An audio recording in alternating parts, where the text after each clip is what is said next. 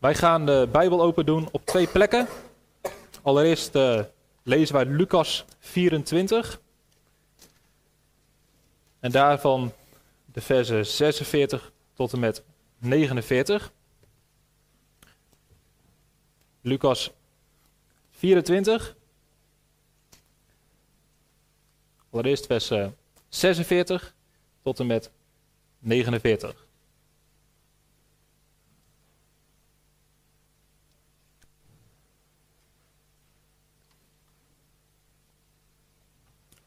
Is weer een van de verschijningen van Jezus aan zijn discipelen. En Jezus zei tegen zijn discipelen: Zo staat er geschreven, en zo moest de Christus lijden en uit de doden opstaan op de derde dag. En in zijn naam moet onder alle volken bekering en vergeving van zonden gepredikt worden, te beginnen bij Jeruzalem. En u, bent van deze dingen getuige. En zie, ik zend de belofte van mijn vader op u. Maar blijft u in de stad Jeruzalem, totdat u met kracht uit de hoogte bekleed zult worden. Tot zover. En volgens lezen we uit de brief van Paulus aan uh. Tweede brief, 2 Korinthe, hoofdstuk 5. En daarvan vers 10 tot en met 21. 2 Korinthe 5. En daarvan vers 10 tot en met 21. Want wij moeten allen voor de rechte stoel van Christus openbaar worden. Opdat ieder vergelding ontvangt voor wat hij door middel van zijn lichaam gedaan heeft. Het zij goed, het zij kwaad. Nu wij dus deze vrees voor de Heere kennen, bewegen wij de mensen tot het geloof. En voor God zijn wij openbaar geworden, maar ik hoop ook voor uw gewetens openbaar te zijn. Want wij bevelen onszelf niet opnieuw bij u aan, maar wij geven u een aanleiding tot roem over ons.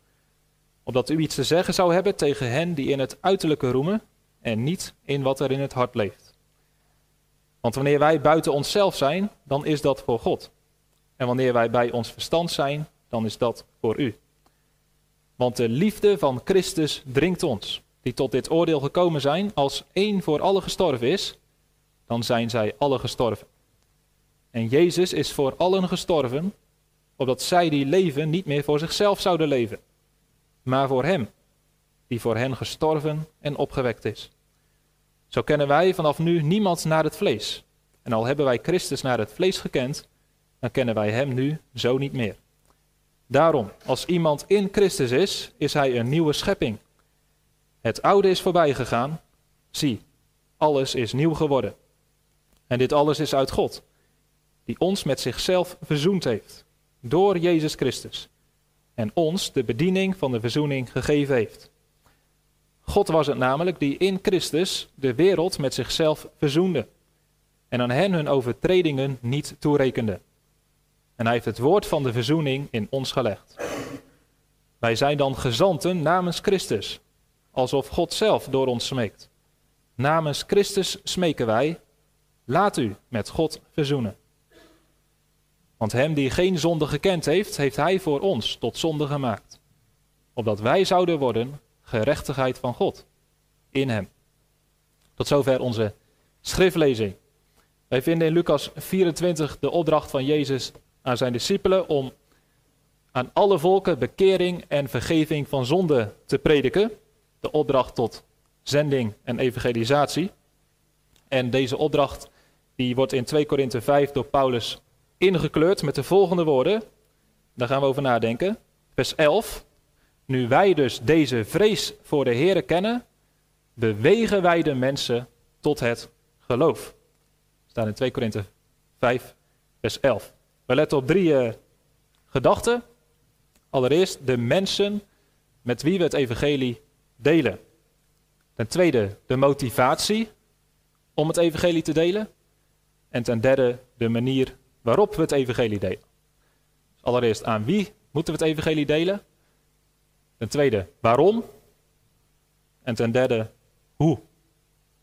En dat zien we vanuit 2 Korinthe 5, vers 11. In de periode tussen de opstanding van Jezus en zijn hemelvaart is Jezus 40 dagen nog op aarde geweest. En in Handelingen 1, vers 3 staat dat Jezus die tijd heeft gebruikt om zijn discipelen onderwijs te geven over het koninkrijk van God. Er wordt verder niet uitgewerkt wat Jezus daar allemaal heeft verteld. Maar van één ding kunnen we zeker zijn: dat Jezus het heeft gehad over de uitbreiding van Gods koninkrijk. Want in alle evangeliën vinden we aan het eind een opdracht van Jezus aan zijn discipelen om het evangelie te gaan verspreiden. Niet alleen in Jeruzalem, ook niet alleen binnen Israël, maar over heel de aarde. In Lucas 24 lazen we: In mijn naam moet onder alle volken. Nou, dat zijn er heel wat. Alle volken van de aarde. Die moeten verkondigd worden, dat zich moeten bekeren en daardoor vergeving van zonde kunnen ontvangen. In Matthäus 28 zegt Jezus: Maak alle volken tot mijn discipelen. Dus God die niet wil dat iemand verloren gaat, geeft hier een opdracht die ervoor gaat zorgen dat heel de wereld, alle mensen wereldwijd, gaan horen wat God heeft gedaan door de Heer Jezus om ons als mensen te redden. Moet je je voorstellen dat je zo'n discipel bent op dat moment. Waarschijnlijk ben je gewoon een visser. Lagere school gehad en toen stopte het, want je moest gaan werken in het bedrijf van je vader. En je wist wel welke vissoorten er waren en hoe je die moest vangen en verkopen. Maar dan stopt het zo'n beetje. Je had geen flauw idee van de wereld waarin je leefde. Je leefde gewoon in een eenvoudig, simpel vissersplekje. En dan krijg je nu een opdracht. Dat jij ervoor moet zorgen dat je als groepje van twaalf mannen ervoor moet zorgen dat heel de wereld, alle volken gaan weten wie Jezus is. Met de opdracht dat mensen zich tot Hem moeten bekeren, in Hem geloven en daardoor het eeuwige leven ontvangen. Dat is bizar. Toch? Dat meent Jezus toch niet? Dat kan niet joh.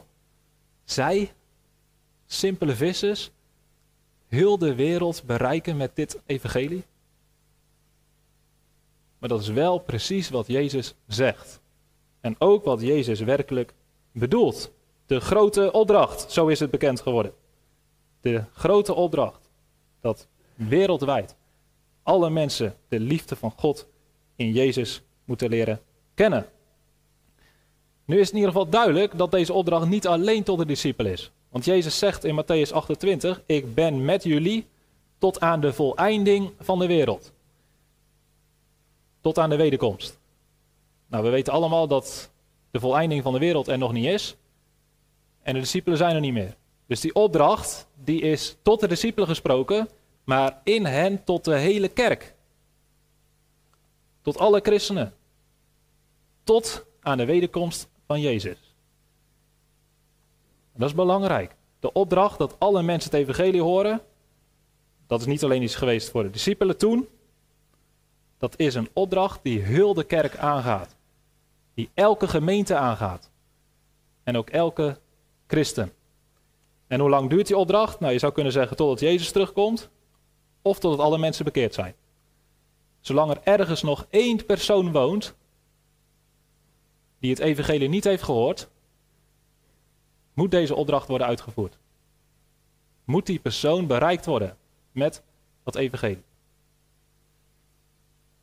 En daar moeten we iets mee. Dat kunnen we niet uh, naast ons neerleggen als gemeente. Of als christen.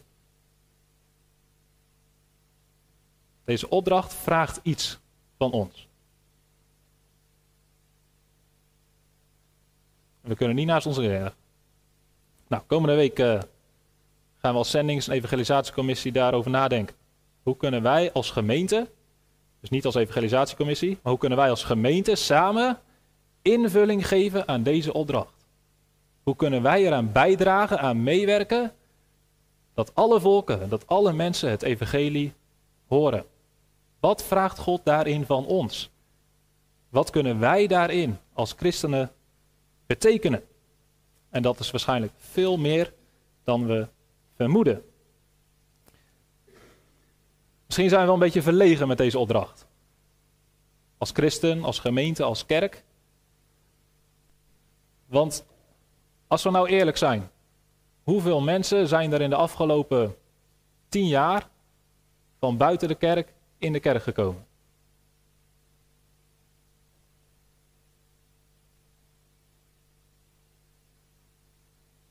Hoeveel mensen zijn er hier in de kerk gedoopt die niet christelijk zijn opgegroeid? En het evangelie hebben gehoord, tot geloof zijn gekomen en christen zijn geworden? Dat zijn best confronterende vragen, denk ik.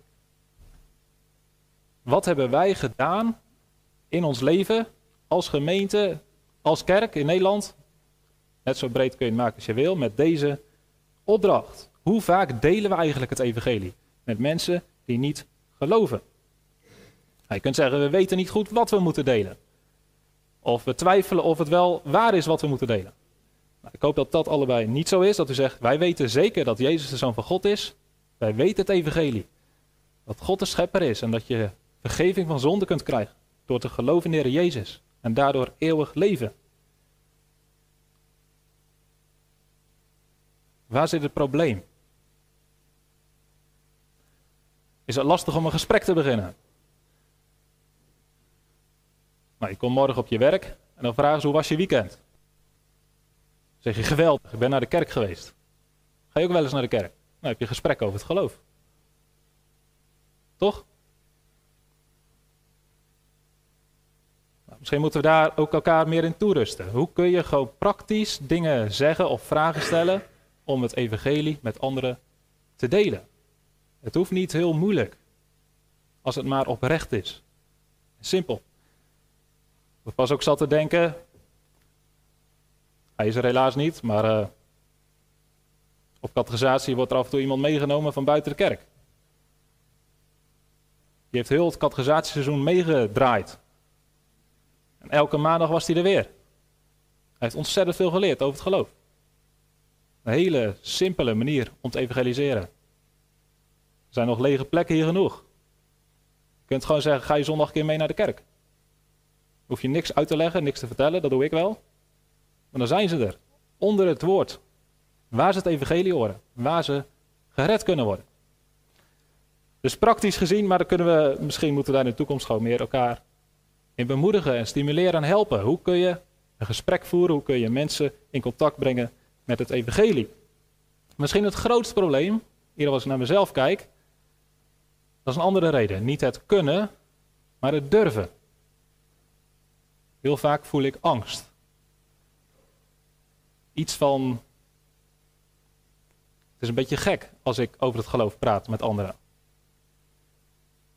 Om een voorbeeld te noemen. Pas uh, zaten hier twee mensen op het bankje. Gebeurt heel vaak trouwens, dat mensen langs fietsen even op het bankje landen. En als ik dat zie, dan probeer ik ze te pakken. Ja, te praten. Maar uh, dus ik loop naar die mensen toe en ze lezen dan het bordje van de kerk en zeggen, nou, mooie kerk hè, ik ben niet dominee. Oh, nou ja. En dan heb je gelijk een gesprek. Dus ik vraag dan, gelooft u ook? En dan krijg je zelf vooral. Nou, deze twee mensen bijvoorbeeld zeggen, ja, wij geloofden vroeger wel. Hij was katholiek en zij was hervormd. En ja, hij zegt, ja, ja, we hebben er zelf helemaal niks meer mee, maar we, we, respecteren het wel. We vinden het ook mooi dat anderen wel geloven, dat ze er houvast in vinden en zo. hij zegt, weet je, Waar we wel moeite mee hebben is met fanatieke gelovigen. Van die mensen die anderen proberen te overtuigen. Ik had nog niks gezegd, dus ze wisten niet dat ik een fanatieke gelovige was. Maar dan voel je het al, hè? Van niks zeggen, niet te veel vragen, niet te veel zeggen. Want stel je voor dat zij het idee krijgen dat je hem probeert te overtuigen. In zo'n cultuur zitten we. Dat heel veel mensen, je voelt het aan alles, soort van allergisch zijn voor de kerk. Ze respecteren het, maar je moet niet proberen inhoudelijk erover door te praten. Nou, dan is de neiging van ons natuurlijk dat we ook niks zeggen. Dat is niet gek. Je wil niet irritant zijn. Je wil niet dat mensen zich aan je ergeren. Je wil niet dat je mensen afstoot. Dus wij leven echt in een hele lastige tijd om het evangelie met mensen te delen. Vooral oudere mensen. Dit waren ook mensen van rond de 60. Het zijn bijna allemaal mensen die ergens zijn afgehaakt en er gewoon klaar mee zijn. Andere kant is dat er ook genoeg mensen zijn die wel openstaan voor een gesprek. Ik heb ook vaak ook hele mooie gesprekken. Soms ook met ouderen, maar hoe jonger, hoe makkelijker het gaat. Mensen die wel gerust willen weten wat wij geloven. En die dat ook met interesse en nieuwsgierigheid aanhoren. We kunnen niet bij iedereen het evangelie kwijt. Maar laat dat geen reden zijn om het evangelie voor iedereen te verzwijgen. En er komt er nog iets bij. Wij moeten met alle mensen het evangelie delen. En wij zitten misschien in een lastige tijd. Maar als je in het Nieuwe Testament leest en in de kerstmis, dan is het altijd moeilijk geweest om het evangelie te delen. Stel je voor dat je een moslim bent. En je gaat in een moslimland proberen het evangelie te delen. Als je vandaag het evangelie deelt, kan het zijn dat je morgen niet meer leeft. Als je in Noord-Korea het evangelie probeert te delen, is de kans groot dat je de volgende dag in de strafkamp zit. Hoe makkelijk is het, waar dan ook, om het evangelie te delen? Het is nergens makkelijk. En Jezus heeft dit ook heel duidelijk tegen zijn discipelen gezegd. Hij zegt, ik stuur jullie als schapen te midden van de wolven. Zie je het voor je? Groep wolven, en jij bent een schaap, en zegt Jezus, ik stuur je daarin. Succes. Dat is levensgevaarlijk. Dat gebeurt er als wij als christenen in de wereld gaan getuigen. Dan stappen we in een leeuwenkel. Daarom zegt Jezus, jullie moeten voorzichtig zijn als de slangen en oprecht als de duiven. Maar daarbij geeft Jezus ook de garantie eigenlijk dat we zullen gaan lijden. Jezus zegt zelf, nadat hij het evangelie verkondigt, hij zegt, dit is het oordeel dat het licht in de wereld is gekomen, maar de mensen hebben de duisternis lief gehad, meer dan het licht, want hun werken waren slecht. Want ieder die kwaad doet, haat het licht en komt niet tot het licht, omdat zijn werken niet ontmaskerd worden. Zo reageerden mensen in de tijd van Jezus. Als het evangelie werd verkondigd, dan ging het licht schijnen. En de mensen haten het. En ze wilden zo snel mogelijk dat licht weer uit. Nou, als je dat leest, dan lijken die mensen heel veel op de mensen van nu. Mensen zitten niet te wachten op een gesprek over het geloof en over God, want dat is licht. En mensen leven in de duisternis. En ze hebben de werken van de duisternis liever dan het licht. Dus dit vraagt tact en wijsheid om die mensen te benaderen. En tegelijkertijd is het eigenlijk onmogelijk om te voorkomen dat mensen ons zullen haten en zich aan ons zullen ergeren. Jezus zegt: Wees op uw hoede voor de mensen, want zij zullen u overleveren aan raadsvergaderingen en in hun synagogen zullen zij u geestelen. Jezus bidt tot zijn vader: Ik heb hen uw woord gegeven en de wereld heeft hen gehaat, omdat zij niet van de wereld zijn, zoals ik niet van de wereld ben. Dan zegt Jezus tegen zijn discipelen: Herinner u het woord dat ik u gezegd heb: Een dienaar is niet meer dan zijn Heer. Als ze mij vervolgd hebben, zullen zij ook u vervolgen. Een voorbeeld hiervan is Stefanus, waar deze kerk naar is genoemd. Stefanuskerk. Stefanus is de eerste martelaar. Wat deed hij? Hij getuigde. Hij deelde het evangelie. Wat gebeurde er? Hij werd gevangen genomen en verhoord. Nou, Stefanus, nu moet je je mond houden, want dit gaat niet goed. Nee, zegt Stefanus, ik blijf getuigen. En dan staat er, toen zij dat hoorden, barsten hun harten van woede en knasten zij hun tanden tegen hem. Stefanus werd gestenigd. Zie je hoe moeilijk het is om te evangeliseren? Jezus zegt, ik stuur je als schapen in het midden van de wolven.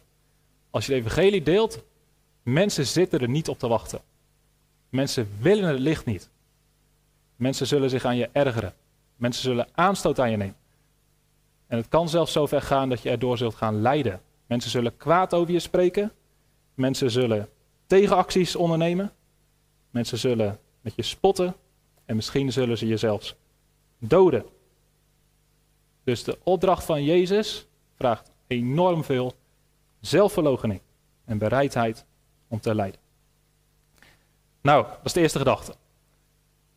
Waarom zijn we dat überhaupt daarmee bezig? Waarom geeft Jezus dan deze opdracht? Waarom moeten we überhaupt het evangelie delen met mensen die daar helemaal niet op zitten te wachten? Dan kun je toch beter stoppen. Dan kun je toch beter niks doen.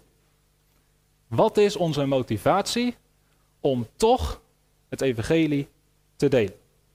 Nou, Paulus noemt dat heel duidelijk in 2 Korinthe 5 vers 11. Hij zegt, nu wij dus deze vrees voor de Heer kennen, bewegen wij de mensen tot het geloof. En deze vrees voor de Heer, dat is de motivatie, die verwijst terug naar het vers ervoor, 2 Korinthe 5 vers 10. En daar zegt hij, wij moeten allen voor de rechterstoel van Christus openbaar worden. Opdat iedere vergelding ontvangt voor wat hij door middel van zijn lichaam gedaan heeft. Het zij goed, het zij kwaad. Hier hebben we het vorige week ook over gehad. En deze waarheid is zo belangrijk voor ons. Wij geloven dat Jezus Christus is opgestaan uit de dood. En ergens in handelingen staat, dat is het bewijs dat Jezus straks de wereld zal gaan oordelen.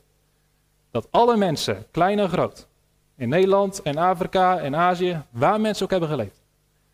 Alle mensen zullen straks voor de rechterstoel van Christus staan. En een rechtvaardig oordeel ontvangen. Dat is ontzagwekkend. En misschien wel beangstigend. Paulus heeft hier heel vaak over gehad. En op een gegeven moment staat er dat hij, uh, was hij ook gevangen genomen en toen moest hij zich verdedigen. Stond hij voor de machtige Felix. Een heel belangrijk persoon. Een, uh, een of andere overste in het Romeinse Rijk. Een rechter. En dan gaat Paulus vertellen over het evangelie wat hij verkondigt. En dan staat er op een gegeven moment, hij vertelde over het eindoordeel wat Christus gaat uitvoeren. En dan staat er toen Felix dat hoorde, werd hij zeer bevreesd. Felix werd bang. Want Felix wist hoe zijn leven eruit zag. En hij wist dat er in zijn leven allemaal dingen waren die God veroordeelde. En daar maakte hij zich nooit druk om, want hij had nooit nagedacht over dat eindoordeel. Maar opeens beseft hij, straks zal ik voor al mijn daden verantwoording moeten afleggen voor God. En als God rechtvaardig is, dan zal hij dan met mijn zonde afrekenen. En dan zal ik veroordeeld worden. Felix werd bang.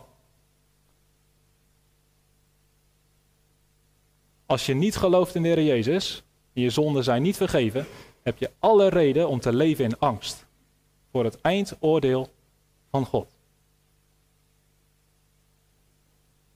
Nu hoeft een christen niet bang te zijn. De vrees is iets anders dan de angst. Paulus heeft het over de vrees voor de. Dat is het ontzag wel dat God groot is en zal oordelen. Maar een christen hoeft niet te leven in de angst dat hij zelf veroordeeld wordt. Staat in Romeinen 8, vers 1: Er is geen verdoemenis voor degenen die in Christus Jezus zijn. Als je in de Heer Jezus gelooft, zijn je zonden vergeven. En hoef je niet bang te zijn dat God je straks zal veroordelen. Dus we hoeven niet te leven in angst voor onszelf. Maar ik denk dat dat niet uitsluit dat we ons wel zorgen moeten maken over mensen die niet in Jezus geloven.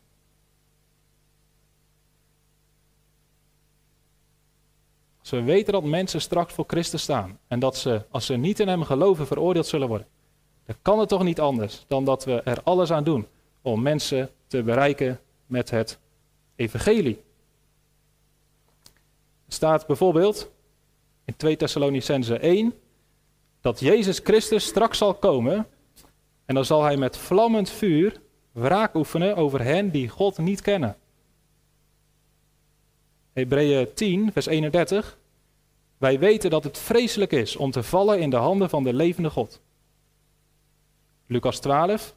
Wij weten dat God macht heeft om mensen in de hel te werpen. Dit staat in onze Bijbel en dit geloof ik. En als je dit gelooft, dan kun je mensen niet zomaar verloren laten gaan. Judas zegt daarom: red anderen met vrees en ruk hen uit het vuur. Dit spreekt de brandweermannen denk ik aan. Toen die mensen op dat bankje zeiden dat ze moeite hadden met fanatieke christenen, heb ik hen gevraagd of ze ook moeite hebben met fanatieke brandweermannen. En toen begonnen ze te lachen, want ze snapten wat ik bedoelde, denk ik. Misschien nog niet, maar in ieder geval. Een brandweerman, die moet fanatiek zijn. Hoe fanatieker, hoe beter. Want hoe fanatieker hij is, hoe meer mensen er gered gaan worden. Hoe eerder het vuur geblust is, hoe minder schade er uiteindelijk geleden zal worden. Ik zeg, wij geloven dat alle mensen uiteindelijk naar het vuur gaan. Die in hun zonde sterven. Die Jezus Christus niet hebben leren kennen als hun redder. Die zeggen, ik wil er alles aan doen om te voorkomen dat u daar komt. Ik zou nog veel fanatieker moeten zijn dan ik nu ben. Dus ik wil ontzettend graag het evangelie met u delen. Begrijpt u? De mensen hebben het evangelie nodig. Paulus zegt, ik schaam mij niet voor het evangelie, want het is de kracht van God om mensen te redden. Het evangelie waar mensen niet op zitten te wachten, waar mensen niks van willen weten, dat is de enige boodschap die hun in de hemel kan brengen. Er is maar één naam onder de hemel gegeven door wie wij zalig moeten worden, dat is de naam Jezus Christus. Jezus zegt, ik ben de weg, de waarheid en het leven. Niemand komt tot de Vader dan door mij. Dus laten wij er alles aan doen om mensen duidelijk te maken wie Jezus is. En dat ze Hem nodig hebben om in Hem te geloven. Dat is liefde. Het is niet liefdevol als je mensen laat verbranden. Het is liefde als je er alles aan doet om mensen uit het vuur te redden. Ook al zeggen ze zelf bemoeien met je eigen zaken. Pas zei nog iemand tegen mij, toen uh, legde ik uh, ook een beetje het evangelie uit. En dan zegt hij, maar het maakt mij niet uit als ik verloren ga. Ik zeg, maar mij wel. Ik heb je lief. Ik wil niet dat je verloren gaat. En toen kregen we een goed gesprek. Dit is de ernst waarin wij leven. Dit is de, de opdracht die Jezus ons geeft. Niet voor de grap, niet voor de lol, niet om ons ingewikkeld te maken, niet om onze schuldcomplex aan te praten. Jezus is niet voor niks naar de aarde gekomen. Hij had ook daar kunnen blijven. Maar Jezus was bereid om te sterven aan het kruis om mensen te redden. En het enige wat hij nu vraagt van ons, die mogen geloven in zijn naam. Wil je voor mij leven? En zo leven dat die mensen weten wat ik heb gedaan om hen te redden. Dit is de motivatie. Ondanks dat de mensen er niet op zitten te wachten. Toch ons uiterste best te doen om het evangelie met hen te delen. Dus het is moeilijk en onmogelijk en toch noodzakelijk. En zwijgen is geen optie. Nou, we zien bij de Heer Jezus dat hij gaat tot het uiterste. Hij geeft zijn leven. We zien bij de apostelen hetzelfde. Ze zijn bereid om alles te lijden om uiteindelijk mensen te redden. Paulus zegt ergens: Ik verdraag alles omwille van de uitverkorenen. In Timotheus, daarom verdraag ik alles ter wille van de uitverkorenen, opdat ook zij de zaligheid in Christus Jezus zouden verkrijgen, met eeuwige heerlijkheid. Paulus zegt, ik leid honger, ik zit in een gevangenis, ik word gemarteld en uitgekotst. Ik verdraag het allemaal, het is allemaal meer dan de moeite waard, als mensen maar het evangelie horen. Want daardoor worden mensen gered. En ook al wordt door al mijn lijden, al mijn inspanning, al mijn moeite, één persoon gered, dan is nog steeds meer dan de moeite waard geweest. In onze tekst zien wij het volgende. Hij zegt, nu wij dus deze vrees voor de Heer kennen, bewegen wij de mensen tot het geloof. Er staat uh, letterlijk alleen maar bewegen wij mensen. Tot het geloof staat schuin gedrukt. Maar het woord bewegen, dat betekent zoiets als proberen te overtuigen. Dus nu wij deze vrees voor Heer kennen, proberen wij de mensen te overtuigen. Dit zit echt in de allergie van onze cultuur hoor. Er werden gesprekken en dan op een gegeven moment zeggen mensen, probeert u mij nu te overtuigen? Ik zeg 100%. Ja, dan worden ze boos. Maar wij proberen mensen te bewegen, zegt Paulus. We proberen mensen te overtuigen. Ik zal een paar voorbeelden lezen om duidelijk te maken hoe dat ging. Handelingen 18. Paulus sprak iedere sabbat in de synagoge en probeerde Joden en Grieken te overtuigen. Handelingen 19, vers 8. Hij ging de synagoge binnen en sprak er vrijmoedig. Drie maanden lang sprak hij met hen en probeerde hij hen te overtuigen van de zaken van het koninkrijk van God. Handelingen 19. U ziet en hoort dat deze Paulus een grote menigte, niet alleen in Efeze, maar in bijna heel Azië, overtuigd en afkerig gemaakt heeft van de goden. Door te zeggen dat de goden die met handen gemaakt worden, geen goden zijn. Dat is misschien een mooi voorbeeld om bij in te haken. Dus Paulus die heeft overal de mensen probeert te overtuigen dat die goden die zij aan dienen waren, afgodsbeelden, dat dat geen goden waren. Dat het onzinnig was om daarvoor te bidden, om die te aanbidden, om daarvoor te knielen, om aan die dingen te offeren. Die stomme goden van hout en steen, die hebben jullie zelf gemaakt. Je gelooft nog niet dat die stomme dingen de hemel en de aarde hebben gemaakt? Dat is toch onzin? Stop met dat geloof, met die onzin. En ga de levende God dienen. De levende God die ik jullie verkondig, de schepper van hemel en aarde. Hij is niet door mensenhanden gemaakt. Hij heeft ons als mensen gemaakt. Dus Paulus die heeft geprobeerd om de mensen tot de verstand te brengen dat ze niet in de afgoden moesten geloven, maar in de levende God. Op diezelfde manier moeten wij in onze tijd mensen ook overtuigen. Want heel veel mensen geloven niet in de levende God. Ze geloven in iets of in wat of, of in niks. Dus hoe kunnen we mensen overtuigen dat God bestaat? Dat ze de levende schepper moeten erkennen. Nou, wat ik vaak uh, doe, en misschien heb ik dat wel eens uh, meegemaakt, dat uh, hoe kun je bewijzen dat de levende God er is? En dat je niet in niks moet geloven en niet in wat en ook niet in iets. Nou, wat volgens mij gewoon werkt, nog steeds, is als je een schilderij ziet, dan heb je geen bewijs nodig dat er ook een schilder is. Het schilderij zelf bewijst dat er ooit een schilder is geweest, want zo is schilderij ontstaan. Als je een boek ergens vindt, dan weet je zeker dat er ergens een schrijver is. Want een boek kan zichzelf niet schrijven. Die heeft een schrijver nodig. Op diezelfde manier zegt de Bijbel dat heel de schepping bewijst dat er een schepper is. De wereld heeft zichzelf niet gemaakt. Er is niet niks geweest wat ontplofte, wat, waardoor alles is ontstaan.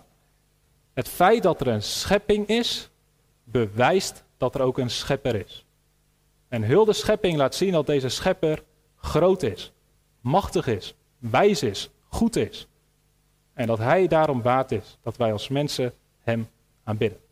Wij moeten mensen overtuigen dat ze niet in niks mogen geloven.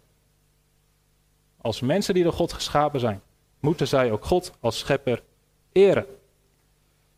Handelingen 28. Nadat Paulus, uh, nadat zij voor hem een dag vastgesteld hadden, kwamen er velen naar de plaats waar Paulus verbleef. Hij legde het koninkrijk van God aan en uit en getuigde ervan. En hij probeerde hen van morgens vroeg tot de avond toe, zowel uit de wet van Mozes als uit de profeten, te bewegen tot het geloof in Jezus. Dus Paulus die kreeg op een zeker moment de kans om met heel veel mensen in discussie te gaan. Die wel interesse hadden, die wel meer wilden weten. En Paulus heeft de tijd gebruikt om hen te bewegen om te geloven in Jezus.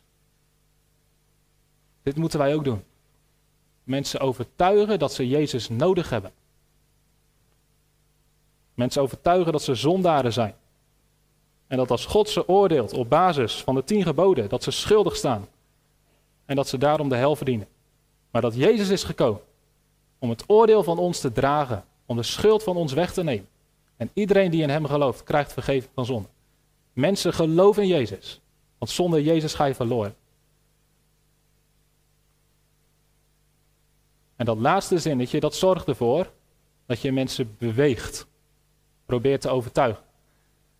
Als je zegt geloof in Jezus, maar als je niet gelooft in Jezus, is ook prima. Dan beweeg je mensen niet tot het geloof.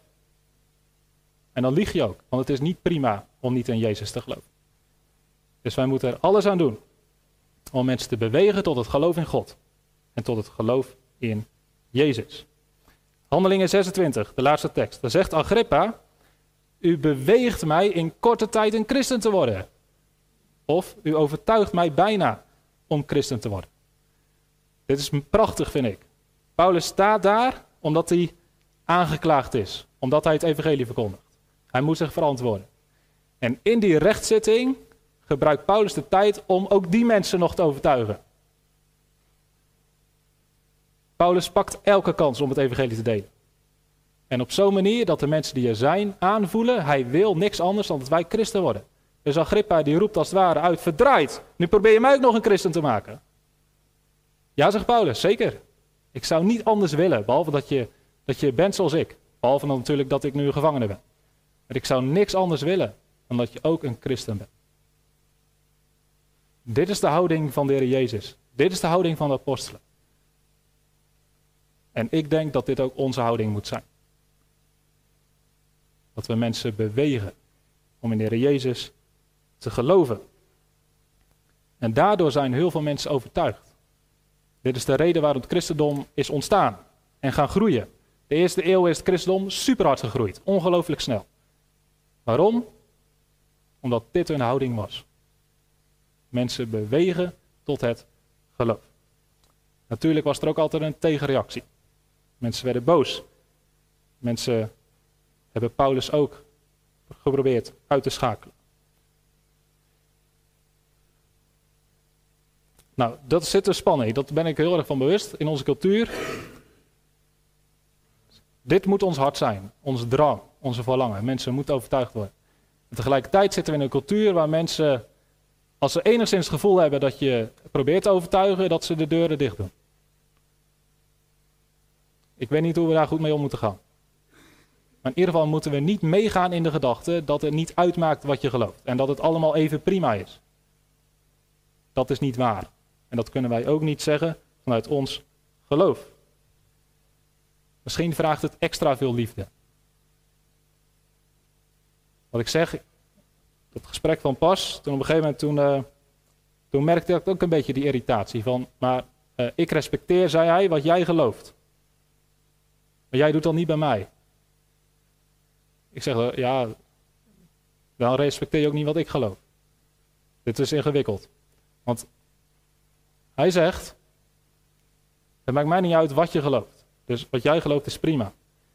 Ik zeg, als ik vertel wat ik geloof, dan betekent dat ook dat ik weet dat jij verloren gaat. En als ik dat niet mag zeggen volgens jou, dan mag ik niet geloven wat ik geloof. Snapt u? Dus als mensen zeggen wij respecteren wat jullie geloven, dan mogen wij ook zeggen dat wij denken dat ze verloren gaan. En dat we niks anders willen dan dat ze Jezus gaan leren kennen. En dat is geen wedstrijdje wie heeft gelijk, maar dit gaat om de redding van iemand. Wij komen niet als vijanden, niet als tegenstanders, wij komen als vrienden van iemand. Wij willen niet dat iemand verloren gaat, dat is liefde voor die persoon. En als mensen dat voelen, dan willen ze luisteren. In ieder geval zijn ze bereid om langer te luisteren. En uiteindelijk met deze persoon ben ik geweldig goed uit elkaar gegaan. Hij zegt dankjewel. Eigenlijk wil ik altijd zulke gesprekken hebben, maar ik krijg ze nooit. Hij zei dankjewel dat je niet toegegeven hebt, maar dat je vast hebt gehouden hebt aan je overtuiging. Want nu weet ik dat je het echt meent. Ziet u? Het is een test ook, hè? Als mensen zeggen van je moet accepteren hoe wij denken en wij geven daar aan toe, dan zeggen we eigenlijk dus wij geloven ook niet wat we zelf geloven. Maar goed, dus wees tactisch, wees liefdevol en laat mensen merken dat je het uiteindelijk doet voor die persoon zelf. Omdat je die persoon lief hebt en niet wil dat die persoon verloren gaat. Of om het positieve te zeggen, omdat je wil dat die persoon eeuwig gelukkig is. Wij zoeken het geluk van mensen. Niet alleen voor het leven hier, maar voor eeuwig. Paulus zegt daarom, de liefde van Christus dringt ons. Het was de liefde van de Heer Jezus die bereid was om te sterven aan het kruis. Het is de liefde van Jezus voor verloren mensen dat Hij deze opdracht aan ons geeft. En het is de liefde van Christus die ons moet bewegen om deze opdracht uit te voeren. Die liefde hebben we niet van onszelf. We zijn keihard en onverschillig. En daarom zegt Jezus vervolgens: Ik ga jullie de Heilige Geest geven. Jullie worden vol met de Heilige Geest. En daar wil ik het volgende week over hebben. Waarom wij, uh, uh, eigenlijk de belofte dat we vervuld worden met de Heilige Geest. De Heilige Geest zorgt ervoor dat we niet bang zijn, maar moedig. Dat we niet onverschillig zijn, maar liefdevol. En dat we met wijsheid en tact de mensen kunnen bewegen tot het geloof. Dus we hoeven niet zelf te kunnen. Gaat niet lukken. Maar laten we bidden. Heilige Geest, vul ons hart. Stort de liefde van God uit in mijn hart. En laat die liefde zo sterk zijn. Dat ik mensen om me heen niet verloren kan laten gaan. Maar dat ik er alles aan probeer te doen. Om mensen te leiden tot de Jezus Christus. Als wij zo bewogen zijn, dan zullen wij zeker in staat zijn om andere mensen te bewegen tot het geloof. Tot eer van God. En tot het eeuwige geluk van zoveel mogelijk mensen. Amen.